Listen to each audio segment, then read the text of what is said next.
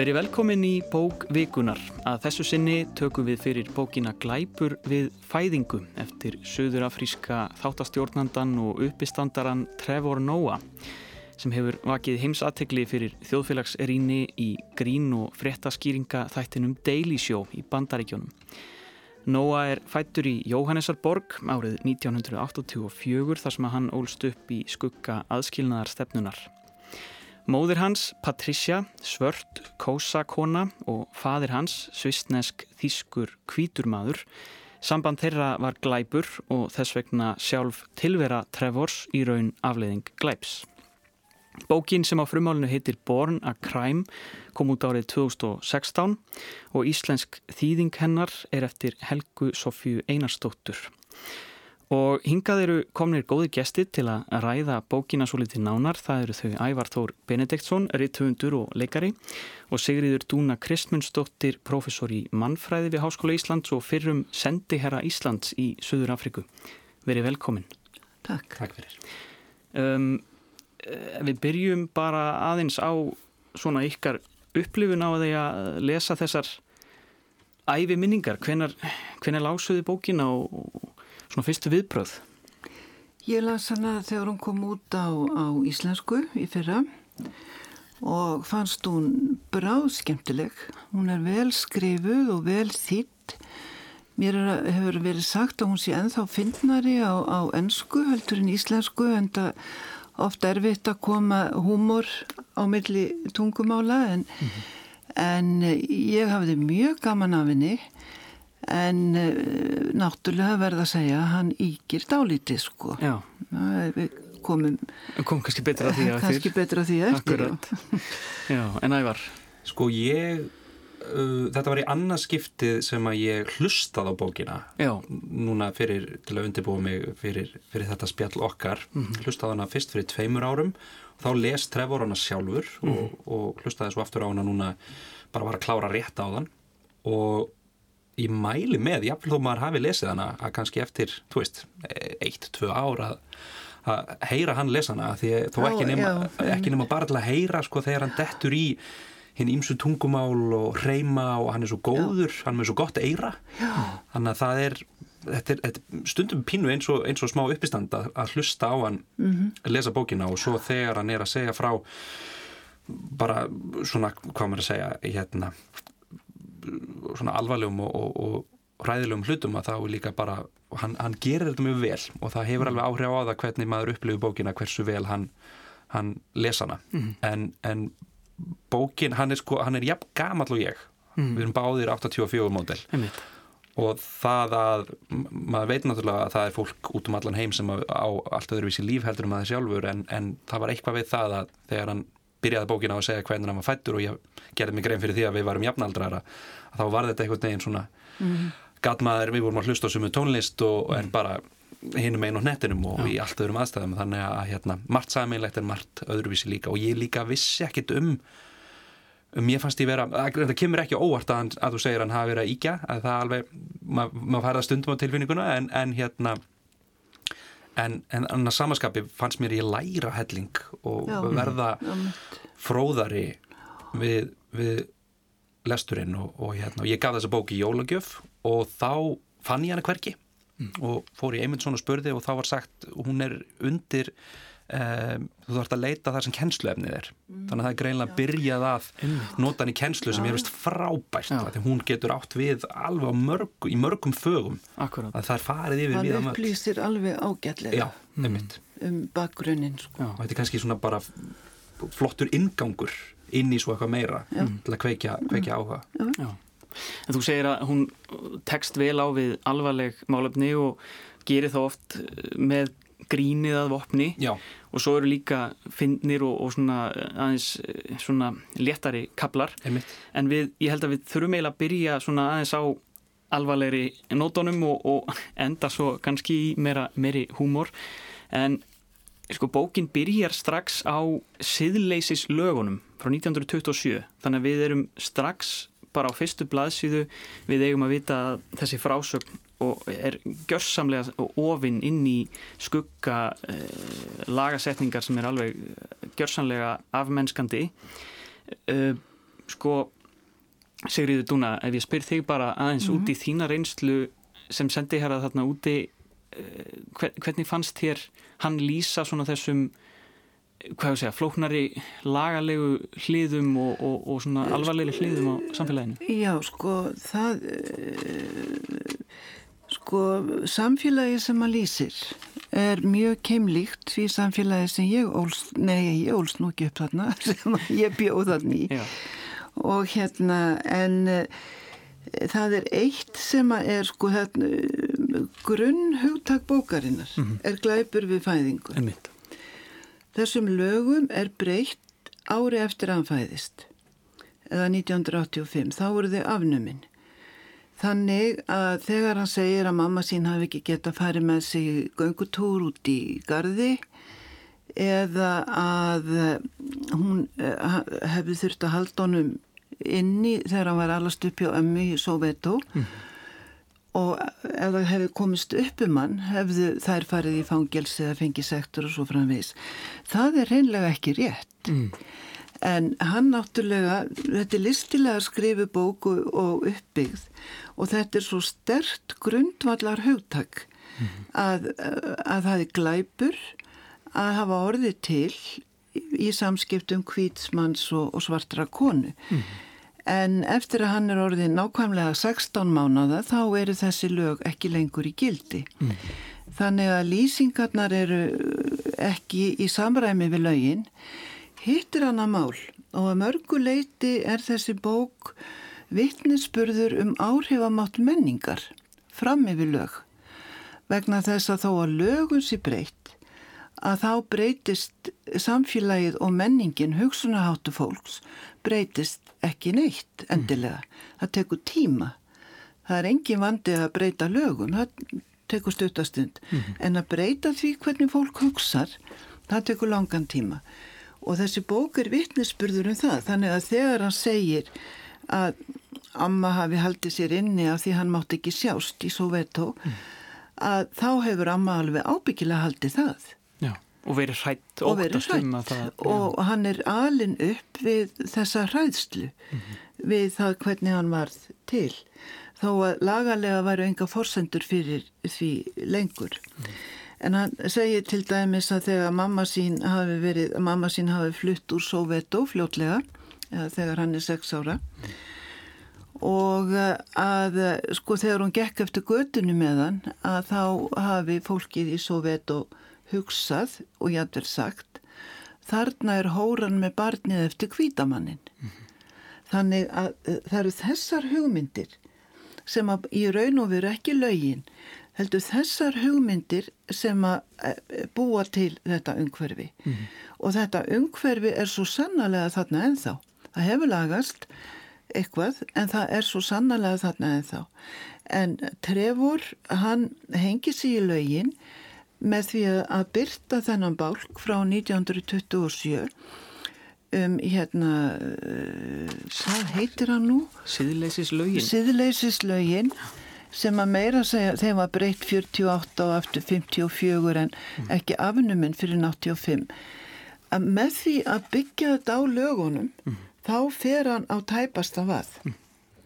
með, með sannleikan En þess vegna kýs ég að líta á þessa bráskemtilegu bók sem vittnesspurð um það hvað menningin er uh, lífseg og hún breytist miklu, miklu hægar heldur en uh, lög eða en að, en að samaskapi þá er eins og þú lýsir að lögum er breytt smám saman en apartheid aðskilnastefnan er henni er komið á með, með í gegnum ákveðið langt ferli, það, það er ekki gert bara svona? Nei, en... aldeilis ekki sko, hún er á eiginlega uppruna sinn eh, fyrir 300 árum. Þegar fyrstu kvítumennir komu til Suður-Afríku þá voru mm. búarnir mm. og síðan byrjar þetta uh, höfrunga stökk að búarnir íta Khoisan og, og hinnum ímsu þjóflokkum sem byggu þá við ströndina þarna síðist á undan sér upp á hásléttuna, svo koma brettarnir, þeir íta búonum burtu upp á hásléttuna og aðrir lenda í óbyggilegum svæðum eins og við, hann lýsir ágætlega bantustistansvæðunum sko eða heimalöndunum. En í raun og veru sko eh, þessi aðskilnaður hefur alltaf tíðkast frá fyrstu tíð kannski vegna þess að búarnir sem komu, þeir náttúrulega voru að flýja á Holland mm -hmm. og flýja frá Evrópu og voru mjög kristnir og þess vegna kannski mjög uppteknir af því að blandast ekki og að halda þessu aðskildu en uh, aðskilnaðurinn hefur tíðkast alveg frá byrjun uh, og, en var ekki sættur í lög fyrir 1927 mm. Akkurat Þannig að hann, þetta hefur tekið ár hundruð að þróast Já. og svo eru ímislegt ónákvæmt hjá honum eins og hann segir að Khoisan sem er frumbyggjar Suður Afríku og taldir eldstu frumbyggjar Afríku yfirleitt að þeir séu nú út döðir út af uh, kynblöndun, það er ekki rétt mm. þeir eru raun til ah. en ekki mikið í Suður Afríku aðalega upp í Botswana þar sem að þeir eru kallaði koi Þannig að sko það er ímislegt svona og, og síðan eins og hvernig hann talar um galdra Ammans náttúrulega stundar það sem við myndum kalla galdra til að eiga við ímis vandamál. Hann talar um það frá vestrænu sjónamiði eins og að galdra séu eitthvað óskapla frumstætt og fornt og, og vittlust en það er bara alls ekki svo. Galdrar eru raukvísir eh, trúabröð eru það yfirleitt ekki Þannig að fólk notar og hefur allstað gert í heiminum nota þessar gömlu hefðir og trúr á, á galdra, kvítangaldur aðalega og ímsar lakningaðferðir meðfram þeim trúabröðum, stóru trúabröðum sem það hefur síðan orðið meðlimir að. Mm. Mm. Þannig að Trevor Noah er vesterniseraður, er, það má segja það þannig. Hans sjónarhorn er meira vestrænt en afríst. Já, þetta.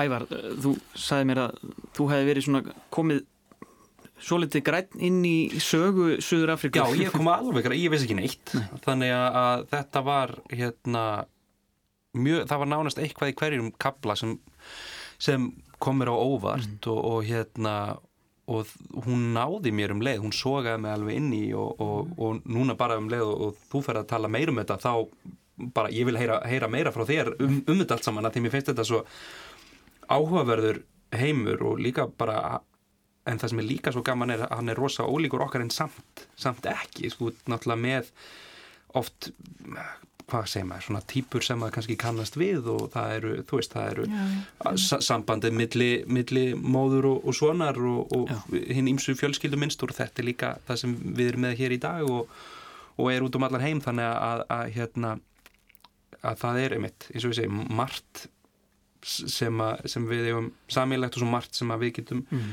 getum lært og mér fannst alveg eins og við segjum, fram á bara síðustu blaðsjöðu eitthvað, ef það var ekki eitthvað úr menningunni sem að var að koma mér á óvart að þá var það kannski líka bara hvernig hann um, tekst á við stundum sumar aðstæður og, og hann er, er tölvert þroskaðri heldur en ég var á, á eins og hann lýsir í hvernig, hvernig hann er að takast á þessum vandamála þegar hann er úlingur og annað slíkt og ég er ekki vissum að ég hefði verið svona sniðugur eða duglegur að retta mér eða, eða, eða þurftir þess þess náttúrulega ekki en svo líka stundum bara tekst hann á við bara af, af einmitt, svona einhverjum, einhverjum, einhverjum þroska og aðrileysi sem að mm mm -hmm. sem að hérna, en á samanskapi auðvitað náttúrulega býru alltaf þeirra aðstæður og kannski, og ekkit kannski hann þarf að verða miklu fullornari, miklu hraðar já, já. Og þá kannski fylgir, fylgir það með mm. Við skulum hlusta á ölliti brot úr íslensku þýðingunni, Gleipur við fæðingu uh, og við skulum uh, heyra það er Helga Sofía Einarstóttir þýðandin sjálf sem að les Fólk var það sem ríki sagði að vera Stundum var það bara geðþótt að ákvarðin einhvers þjónustu fulltrúa. Það gætt farið eftir því hversu há kynbinin á manni voru eða hversu breytt nefið á manni var. Hann gætt mert í hvaða reyt sem honum fannst eiga við og þar með ákveði hvar þú móttur eiga heima, hverjum þú móttur giftast, hvaða atvinnuréttindi og forréttindi þú fjörst. Og lita fólk var ekki aðeins uppvært í kvít. Stundum var lita fólk indverst. Stundum var indverst fólk litað. Stundum var svart fólk fært upp, upp um flokk og var þá litað og stundum að leta fólk lækka neyri svart og að sjálfsögðu gáttu kvítir lendi því að vera endurskilgrendir sem litaðir. Það var líkilatriði. Blandaða blóðið var alltaf þannig í skuggunum, hótandi því að koma fram í dagsljósið og ótti kvíts fólk við að missa stöðu sína efst í samfélaginu var til þess að það passaði sig. Ef kvítir foreldrar eignuðs barn sem yfirvöld ákveða væri ofhörnstökt, jafnvel þótt þessir foreldra framvísuðu gögnum til sanninda um að þeir væri kvítir, var hægt á því að barnið eru flokka sem litað og þá þurfti að taka ákverðun. Áttu fóreldrarnir að gefa upp stöðu sína sem kvítt fólk á bátinn og fara að búa sem litafólk í lituðu hverfi? Eða áttu fóreldrarnir að skilja, móðurinn að taka litaða barnið og búa í fátakrakverfinu á meðan fæðurinn heldi áfram að vera kvítur til að geta unnið og séð fyrir þeim? Mart litafólk bjóði þessu limbói. Raunmjörulegum hreinsunareldi og það lengdi alltaf eftir kvítu feðrunum sem afnituði því og fyrir vikið gata verið hræðilega rasíst innbyrðis. Algengasta nýðirði með að litara var bóismann, búskmaður búski vegna þess að það vísaði í það svarta í þeim, það frumstæða. Það svífurilegasta sem hægt var að gera lituðu fólki var að gefa til kynna að það væri á eitthvað nátt svart. Eitt af því skuggarlegasta við aðskilaðastefnuna var að hún kendi svörtu fólki um það að lita fólk kæmist ekki áfram í samfélaginu. Apartheid held í fram að eina ástæða þess að litað fólk fengi ekki fyrsta fólkstöðu væri svo að svartir getur tekið upp á því að nota litaðaflokkin til að laumast gegnum hliðið og njóta ávinnings þess að vera kvítur. Þetta er það sem apartheid gerði, samfærði hvern hóp um að það veri vegna hinna sem hann fengi ekki yngungu í klúpin. Þetta er í raunin eins og dýraverðu sem segir ég get ekki hleftir inn út af vininum darrin og ljóturskónum hans. Það lítur mór að darrin og segir æ, hoppa upp í raskataðið svarti darrin, þú drefum mig niður. Og svo þegar darrin tala við dýraverðin þá segir hann nei, nei, þetta er út af vinniðinum Sísvei á astnarlega hárunni hans. Þannig að Darren segir fokkaðir Sísvei og þá hata allir alla. En sannleikurinn er sá að enginn hafði nokkru sinni færi á að komast inn í klúpin. Lita fólk átt í bátt. Hugsið ykkur. Þú hefur heilað veginn til að trúa því að þú sett með menga blóð í æðum. Þú verð öllum þínum tíma í að aðlagast og sækjast eftir því að verða kvítur. Síðan, einmitt þegar marklínan er í sjónmóli, kemur ykkur helvítis Nelson Mandela og snýr öll á kvolf. Nú er marklínan þar sem lagt var að stað og viðmiðið er að vera svartur. Valdið er svart, svart er fallegt, öldum saman hafði lituði fólki verið sagt Svartir eru apar, ekki hangi í trjánum eins og þeir, lærða ganga upprættur eins og kvítimaðurinn. Síðan ertu allt í hennu stattur á apaplánetinu og apanir hafa tekið völdin. Helga Sofía Einarstóttir las þarna úr þýðingusinni Glæpur við fæðingu eftir Trevor Nóa. Hjá mig sitja Ævar Þór Benediktsson og Sigriður Dúna Krismundsdóttir. Í þessu broti þá fengum við svolítið svona þennan þessa kerfispundnu kynþáttahyggju og afleðingar hennar. Já. Og þetta gengur í allar áttir. Það eru, það eru mm -hmm. innbyrðis kynþáttafordómar og Jú. maður er alveg stundum bara, maður veit ekki hverju með hverjum í liði. Þetta er afskaplega flókið. Nei, já, þetta er mjög flókið sko en það er náttúrulega Sko menn halda stundum að það hafi verið kvítimaðurinn sem kom með stríð og átök til Afríku, þrælahald til dæmis líka, en það, því fyrir fjari. Eh, ættflokkar og samfélög Afríku að hafa borist að bana spjótum um aldir. Og mjög gott dæmi um það er sko, eru súlúmenn sem eru tiltulega herskáir og þegar Nelson Mandela uh, hafi verið leistur úr fangelsi og það stemdi í það að, að við tæki stjórn svartra eins og hún gerði í Suður Afríku að þá stopniðu Súlumenn reyfingu sem hétt Inkata og þeir réðust á alla svarta en aðalega sjósa því að þeir voru eiginlega næst stærstir þarna á, á síðsta svæðinu og e, það var eitt af þregvirkjum Nelson Mandela að stoppa þessa blóðsúthellingu. Því þarna fyrir 1994 að þá hefðu svartir ættbolkar, þjóðflokkar geta farið í allserjar stríð sín á milli og úthelt alveg blóði til hæruvinstri mm -hmm.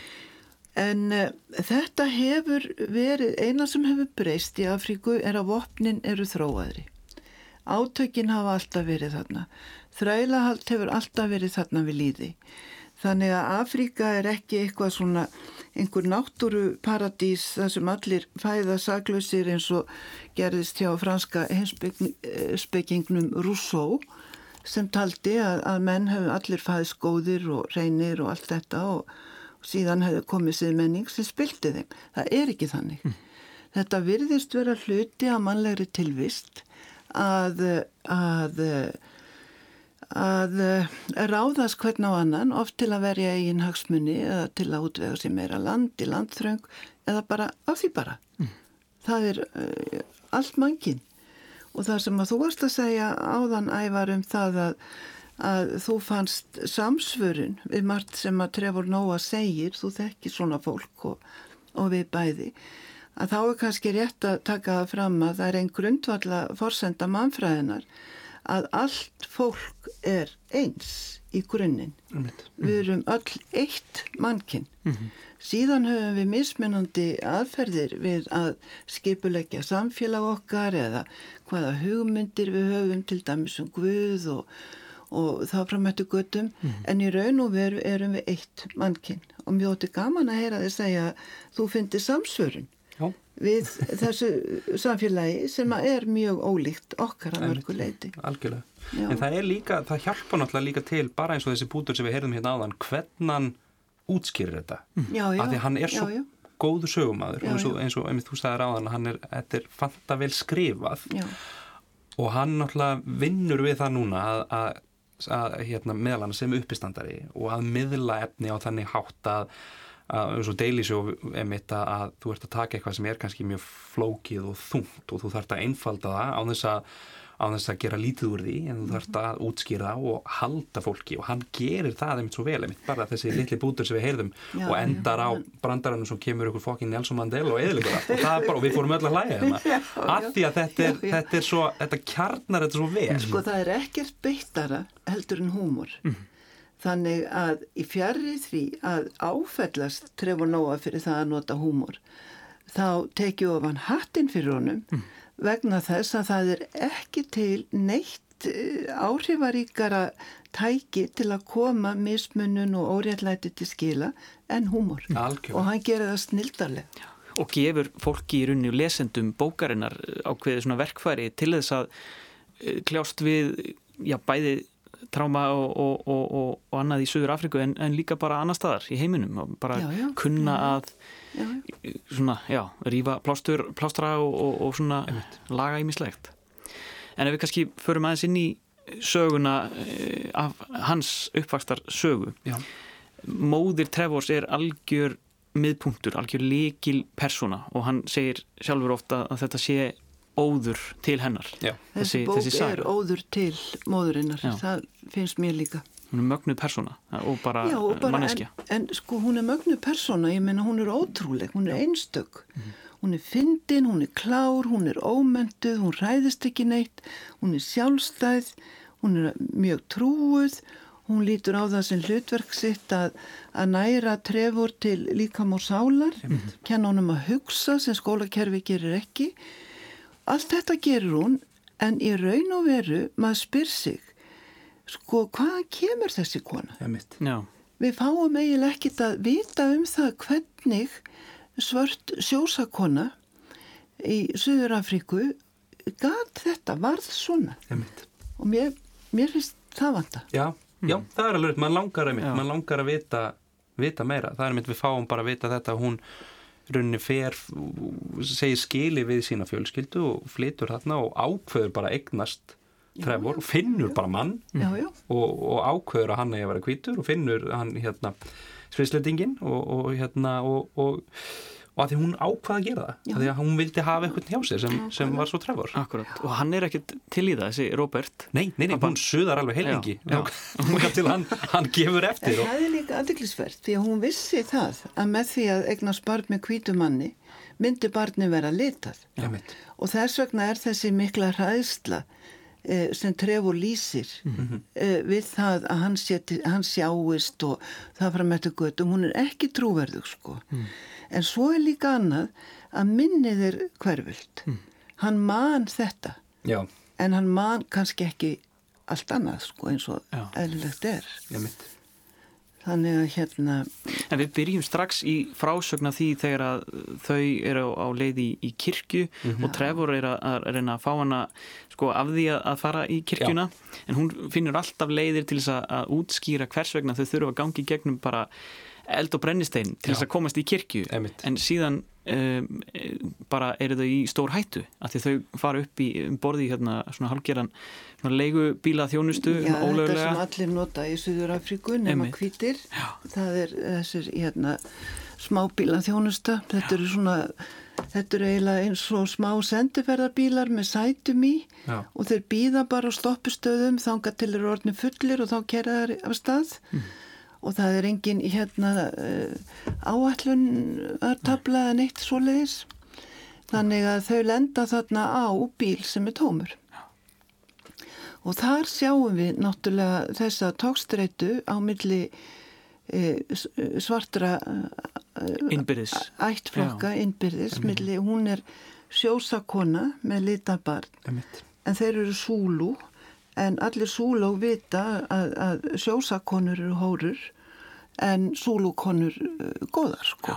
Já, Þannig að þarna sjáum við það mjög, mjög vel. En þessi byrj, mér langar að fá að segja þessi byrjun á bókinni, mér finnst hún alveg briljant vegna þess að hún gerir tvent, hún gefur okkur upplýsingar um hérna bakgrunn Suðurafrísks þjóðfélags hún kynni til sögunar móðurina sem er höfupersonan og hún kynni til söguna ofbeldismenningu Já. Suðurafríku Einmitt. sem að á hverki sinn líkan svo ég viti ég, þegar ég bjóð þarna að, að þá var ég náttúrulega mjög vör við hana og ég hef mína skýringar á því ákverju þarna er þessi skelvilega ofbeldismenning en uh, ég gengdi líka starfi í Lesútú sem er lítið konungsríki inn í, inn í Suðurafriku og það var því líku léttir að koma þangað til sama fólkið, til sama landið. En það er ekki þetta ofbeldi. Og fyrir einhvern eins og mig sem bjó í Pretoríu í þessu ofbeldi þá var það hreinlega léttir að koma til Lesútú því að ofbeldismenningin sem er þarna strax í fyrsta kapla að, að eh, hún, ma, hún mótar allt líf í Suðurafríku. Og þetta er briljant byrjun á bók, finnst mér Einmitt. Það er líka bara einmitt heimurinn og stemmingin og orkan er strax komin og reynd Já. og hann líka eiginlega svona í hálgeru framhjólaupi minnist á það að móður hans hafi verið skotin í hausin, skotin í höfuðið svo talar hann ekkert meira um það. Það kemur í fyrsta kapla Já. það, og það gerist einhver tíman, við veitum ekkert ekkert við veitum ekkert hvað að gerðist. nálum yfir því. Einmitt, og það er alltaf einhvern veginn það, það, það er einmitt líka, eins og segir, það er svo briljant að þetta er bara ein setning sem hann setur í setni hluta kaplans og svo er maður bara, og, og hvað, einmitt, hver, af hverju lifði hún af? Já, já. e, þú veist og svo er bara bókin að verða búin þegar Já. hann slaufar því svo og lokar ringnum og byrjar að fjalla um það hann slöfinu og allt saman þannig í Einmitt, lokin sko. já. já, já. þannig að það er alveg hérna, þannig að uppbyggingin á bókinni Já. er feikna góð sko. Akkurat. En svo er annað sem við verðum að koma inn á, það eru tungumálin. Tungumálin eru mörg uh, sem eru töluð þarna og, og hann sjálfur talar hvað, sex tungumál held ég það er ekkit óalgengt Og- í. Suðurafrika fólk talið þó nokkur og hann talar um sig sem svona halgert svona uh, kamiljón. já, Að hann geti í rauninni uh, brúðið sér í sko hlutverk hvers sem að ávarpar hann. Að ef, hann, ef einhver ávarpar hann og ætlar að ræna hann eða einmitt sko gera hann eitthvað ílt þá bara svarar hann tilbaka og, og þá leysist það því að hann, hann er einhver, hann er sá, sá hinn sami sko. Já, og líka ef hann ætlar að selja eitthvað eða, eða einmitt eins og þegar hann er í skólanum og er farin að, farin að hérna náttúrulega kapitalisti á Guðs ná rosa klár, hann er rosa góður að finna bara hvaða system er í gangi hvernig get ég nýtt mér það til, Já, að, já. Já. til að græða smá pening og hvort það er einmitt að hlaupa í sjoppuna til að hérna kaupa fyrir alla í skólanum eða hérna skrifa geisladiska og fá borga fyrir og það fá borga fyrir það og endur selja á hærra Og og taka prósentur sem milliliður og braska þetta og braska hitt. Endalust en við skulum muna það að mammas var fátæk Já, og hann átti engan pening. Einmitt. En hann það er segir sára fátækt. Sára fátækt. Þannig að, og þannig er atvinnuleysi ungra manna en þann dag í dag upp undir 40% þessara ungu manna. Þannig að þetta er maður sem bjarga sér. Einmitt hann er eins og sagt er á, á fínu hagfræðimáli entrepreneur. Akkurat. En tungumálin er, já þau eru óskap, sko, þau eru 11 ofinber en þau eru miklu miklu fleiri. Einmitt. og þau eru sko auðvitað enska og afrikans eru tilturlega lík innbyrðis, þetta er að sömu germönsku rótonum sjósa og, og hérna og súlu er ekki mjög ólík. Mhm. En svo eru tungumál sem eru mjög ólík og til dæmis muniði söguna þegar hann bauð stúlkun á ballið. Já, Já, og hann held að, að hann hefði nú verið að tala við hana í nokkra vikur en kom, svo kom í ljós hún hefði bara sagt já og nei því hún skildi enga ensku. Einmitt. og þetta er líka brandari á það sko hvernig kallar ungi kallar eru að reyna við stúlku en þeir tala ekki við hann í rauninni svo kemur í ljós þegar hann er loksins komið með hann á balli búin að kaupa sér nýjan galla og láta flétta á sér hárið og ég veit ekki hvað og hvað fyrir stór fél að stúlka neytar að fara út úr bílnum. Og það er alveg sama hvað hann segir. Að þá fer hún bara ekki út úr bílnum. Þetta er sko loka ballið í mentaskólanum þá kemur í ljós að stúlkan talar peti sem er tungumál tiltöla lítils hóps þarna og trefur skildi ekki og engir á ballinu skildu heldur. Og það enda með því að, að þau sátt út í bíl allkvöldið og hérna og, eh, og en það sko sýnir að trefur sem að kann mörg tungumál og kannski fleiri en margir vegna þess að hann sem litaður er hann á milli heima. Einmitt. hann er korki nýje og hann er trúðurinn. Þetta er þessi klassíska klassíska persóna í öllum bókmentum þannig að hann læri mörg tungumál og getur brugðið sér í allra líkindagerfi hann kunni ekki peti. Nei, ég veit. Þannig að hann náði einhver sambandi við stúlkuna. Svo verð ég að minnast á tungumálahópin sem er kallað klikk tungumálin. Klikk. Klikk, já, að það eru tungumál sem eru eh, það sem mikið er af klikkum sem hljóma svona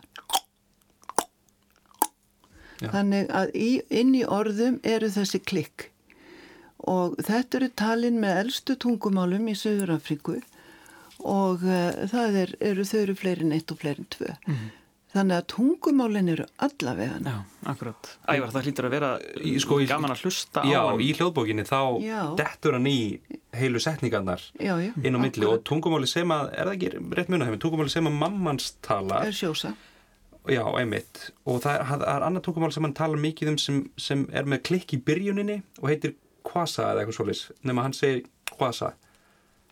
Gosa. Já, Já, og ég, ég er örgulega að gera þetta, gera þetta Nei, þú En gerir þetta mjög en, hérna, en það er rosa, hann stundum, einmitt sérstaklega koma kannski tvær, þrjá setningar í röð úr einhverju tungumáli. Já, hann- og, já, já. og hann leikur líka þegar hann einmitt er að bara eins og þegar hann er að, er að díla við hérna, stjúpföðu sinn og annað sem eru með svona smá hreim og mammans líka er með, er með hreim náttúrulega og, og hann notar, hann er rosa gott eira fyrir hreimum. Á mæli með því, það er Já, rosa já, gaman því hann er sjálfur náttúrulega með smá hreim á, á ennskunni en svo einmitt þegar hann dettur í allar þessar mállískur og svoleiðis þá er bara mjög forveitnilegt að heyra tungumál sem maður bara heyrir nánast aldrei. Mhm. Þannig að það er mjög mæli með því. Og svo er maður líka að býða eftir þýðingunni. Maður heyrir hérna Já. eitthvað, eitthvað samtal og svo nákvæmlega, svo þýðir það nákvæmlega, nákvæmlega. þetta? Já. já, og einmitt. Þá kemur oft einhver svona einhver, einhver lending á þeirri sögu Já, maður heyrir tónin fyrst, Mhm. einmitt á því tungumáli sem hann er fyrst með og maður bara hvað er, hvað er nú að skef og þá svo dettur það inn. Akkurat.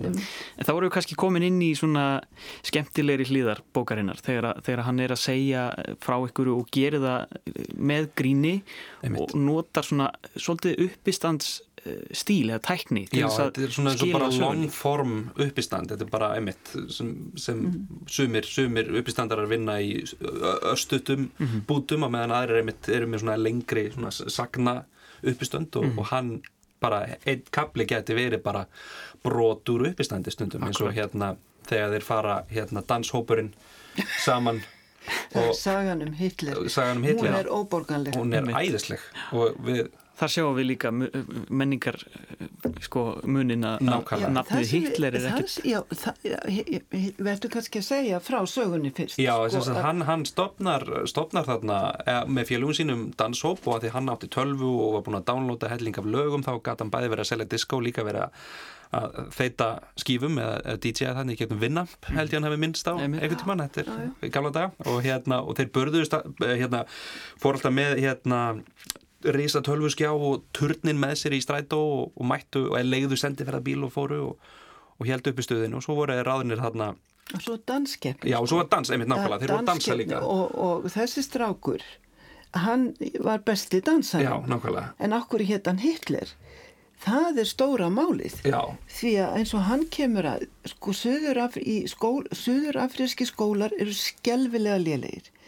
Og þeir eru arfleið sko aðskilnaðastefnunar sem að passaði að skólarni væri svo lélegir að svarta fólki væri ekki, það var engin ógnaði og síðan þessi, þetta þurfa að hafa sko evrósnafn fyrir utan hérna persónulega nafni sem er þá á því tungumáli sem viðkomandi talar sem móðumál mm og uh, Afi Trevor sjálf til dæmis að, að, hérna, að Hitler þýtti bara flottan og sterkan uh, skriðdreika og sko fólk er forsendu löst Já. þegar það er að, er að velja sko evróskunöfnin á börnin sín Einmitt. þannig að Hitler var bara fínt nafn og Nelson Mandela heitir ekkit Nelson, það var bara nafn sem hún var gefið í skóla Já. hann heitir Madiba eða sá sem er valin til fórstu mm. sko það er, þetta er alltaf tvöfalt sko Já, nema að Hitler er besti dansari Einmitt, hann er besti dansarin í grúpunni og, og þeir mæta það náttúrulega að halda upp í stöðinu og eru búin að gera það greinlega í einhver tíma og fá fínt borga fyrir það. Já, nema svo eru ráðinni til að, hvað var þetta? Þetta var svona menningar samkoma í, í gýðingaskóla og svo þegar Hitler fer að taka sitt solo og þá náttúrulega hrópar restin af genginu Go Hitler, Go Hitler, Go Hitler. Já, íslenskunni áfram, áfram Hitler, áfram Hitler í geðingarskólan Nákvæmlega, slóð þögn á hópin og svo var það alltaf vittlust og þeir skildi ekki að hverju. Og þeir eina sem, sem Trevor einhvern veginn í augnablíkinu gæti ímda sér að geti verið ástæðan fyrir það að væri verið að reyna að reka það út væri að það væri bara fordómar og mm -hmm og þannig að þeir ákveðu bara að gefa í já, frekar en að frekar en að ætta og spurja hvað var í gangi.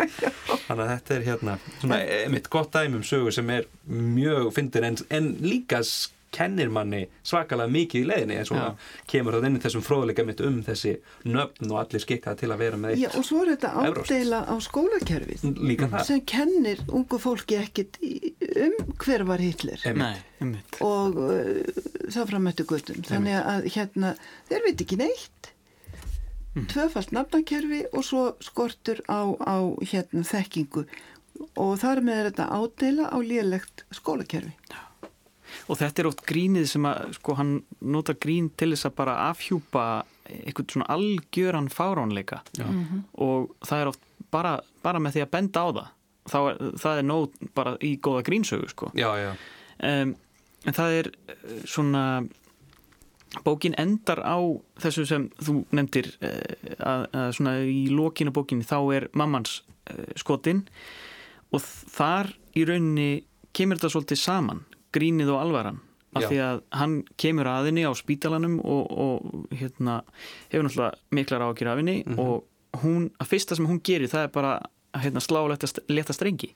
Segir að nú, nú er þú hérna, myndalegi Já, nú ert þú ofinbarlega orðin myndalegi myndalegi, svo myndalegast í fjölskyldunni. Akkurat. Emitt, og þarna kemur þetta svolítið saman þessi svona alvarlegi tótt og svo léttúð, léttúðin í frásögninni Já. og í hans uppeldi. Já. hennar uppeldi gekk út á þetta að Já. kenna en gera það áhugavert og, og, og, og svona Já þau eru alltaf að raugra hún, hún náttúrulega mótar hann í þennan mann sem hann er í dag og hlutlega hefur hann verið óþekkur. Hann hefur verið óþekkur algjör ormur sko. En, en, en, og hún líka þau eru alveg eins já, já, í rauninni. hún líka í rauninni, það er alveg hórið að, hérna, að það er mjög fallegt einmitt samband að því að þau einmitt nakkrífast og svo raugræða en samt alltaf þessi, þessi ást og virðing. Mm -hmm.